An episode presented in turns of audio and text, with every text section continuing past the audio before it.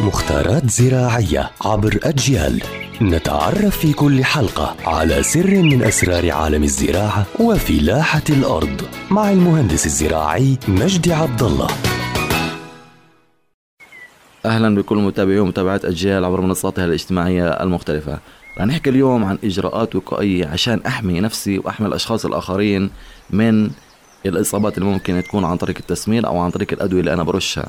طبعا أنا كمزارع أو أنا كأي شخص في الحقل في البستان إيه، في الأرض أي أرض زراعية أنا مش مسؤول عن نفسي أنا مسؤول عن باقي الناس لأنه أنا إذا مرضت من هاي الأشياء أنا راح أنقل العدوى لاخوي راح أنقل العدوى لابني راح أنقل العدوى لعائلتي فلازم أتخذ بعض الإجراءات الوقائية عشان أحمي نفسي وأحمي الآخرين من السموم الناتجة عن هاي الأدوية أو هاي الأسمدة.